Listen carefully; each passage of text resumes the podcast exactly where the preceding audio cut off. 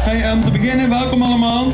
Ik ben blij dat jullie hier toch in grote getalen hier aanwezig zijn. Boeren die protesteren in Den Haag. Er stonden net zo nou ja, ruim 100 boeren voor de Tweede Kamer. Nee, je hebt geen oude podcast aangezet. Boeren balen weer. Of ja, nog steeds. En dat heeft er alles te maken met Stikstof. Stikstof. Stikstof. Stikstof. en het landbouwakkoord. Dat plan waar maandenlang over onderhandeld is, is geklapt. Wat ging er mis en wat staat de boeren nu te wachten? Dat zoek ik, Frederik, voor je uit. Lang verhaal kort. Een podcast van NOS op 3 en 3FM.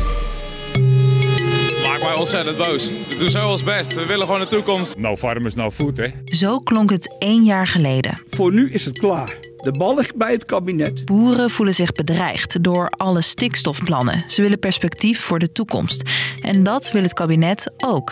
De boeren, de agrarische sector, heeft rust, duidelijkheid en zekerheid nodig. Vertelt landbouwminister Adema. Ik denk, als we echt met elkaar in gesprek gaan, als we echt de verbinding weer weten te leggen, dan denk ik dat we elkaar weer gaan begrijpen. En dus gaat hij met ze om de tafel voor een landbouwakkoord.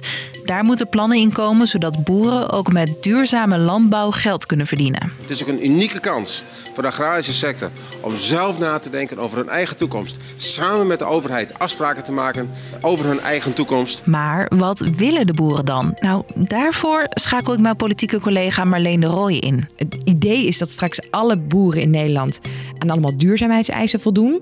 Maar die supermarkten die moeten daar ook een goede prijs voor betalen, zeggen die boeren. Want ja, anders dan verdienen de boeren er niet aan. En daar gaan die gesprekken concreet over. Gesprekken niet alleen tussen ministers en boeren. Iemand namens de natuurorganisaties zaten bijvoorbeeld aan tafel. En daarnaast ook iemand die de supermarktketens vertegenwoordigt en eh, de bankensector. Dus van alles eigenlijk. Bij elkaar praten er zo 50 verschillende partijen mee over dat landbouwakkoord. Die gesprekken duren maanden en gingen eigenlijk best prima. Het document wat er ligt, het is misschien een 95% versie, zeg maar. Tot ineens LTO stopt met dit landbouwakkoord. Boerenbelangclub LTO kapt ermee. Ze hebben na alle gesprekken nog steeds geen vertrouwend kabinet en vegen daarom alle plannen van tafel. Zo denken ze dat ze niet genoeg blijven verdienen als ze minder dieren mogen houden. Ze zeggen ja, allemaal leuke afspraken, goede doelen. Maar hoe weten we echt zeker dat wij met minder vee nog steeds geld kunnen verdienen? LTO vindt dus dat ze niet genoeg garantie krijgen van het kabinet. De andere onderhandelaars balen dat de boel is geklapt. Een landbouwakkoord zonder de grootste land- en tuinbouworganisatie van Nederland ja, is, is eigenlijk onzin. Uh, hier is niemand bij gebaat bij deze uitslag. De boer niet, maar de natuur ook niet. Maar ja, weer een nieuw gesprek. Dat ziet Adema niet zitten. Wij zaten nu te praten over een akkoord. Dit is het moment om met elkaar te komen. Dit is het moment. Niet, voor, niet aan het eind van het jaar. Nieuwe onderhandelingen gaan er dus niet komen. En zonder gesprek geen akkoord. En dat betekent onzekerheid. Voor jonge boeren bijvoorbeeld. Op welke manier moeten wij dan nu perspectief gaan krijgen of uh, weer vertrouwen gaan krijgen?